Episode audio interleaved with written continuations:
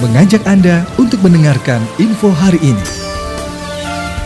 MUI Kabupaten Bekasi sampaikan imbauan jelang Ramadan 1443 Hijriah.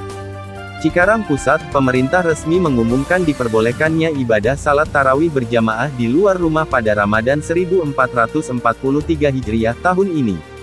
Kebijakan itu, disampaikan Menteri Koordinator Pembangunan Manusia dan Kebudayaan, Menko PMK, Muhadjir Effendi dalam konferensi pers usai rapat terbatas di Istana Negara, Senin, tanggal 5 April tahun 2021, lalu.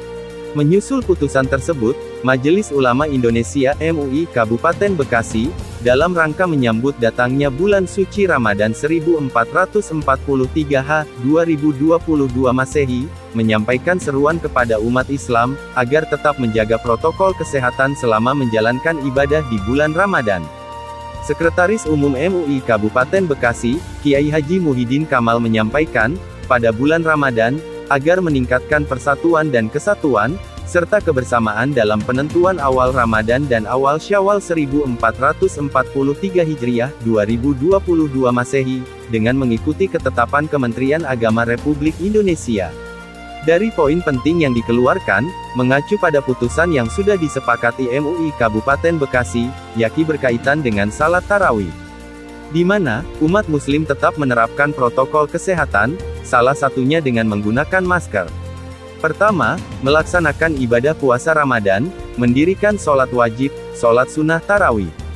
Mengeluarkan zakat fitrah mal, menyalurkan sesuai syari, membaca Al-Quran tadarus berinfak, bersodakoh, dan menunaikan ibadah-ibadah lainnya, ujarnya pada Jumat tanggal 25 Maret tahun 2022.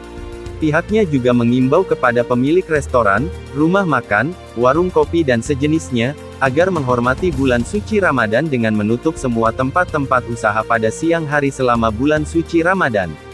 Kepada para pengelola dan pengusaha tempat hiburan malam THM, diminta dengan sangat, agar menghormati bulan suci Ramadan dengan menutup kegiatannya, kata dia.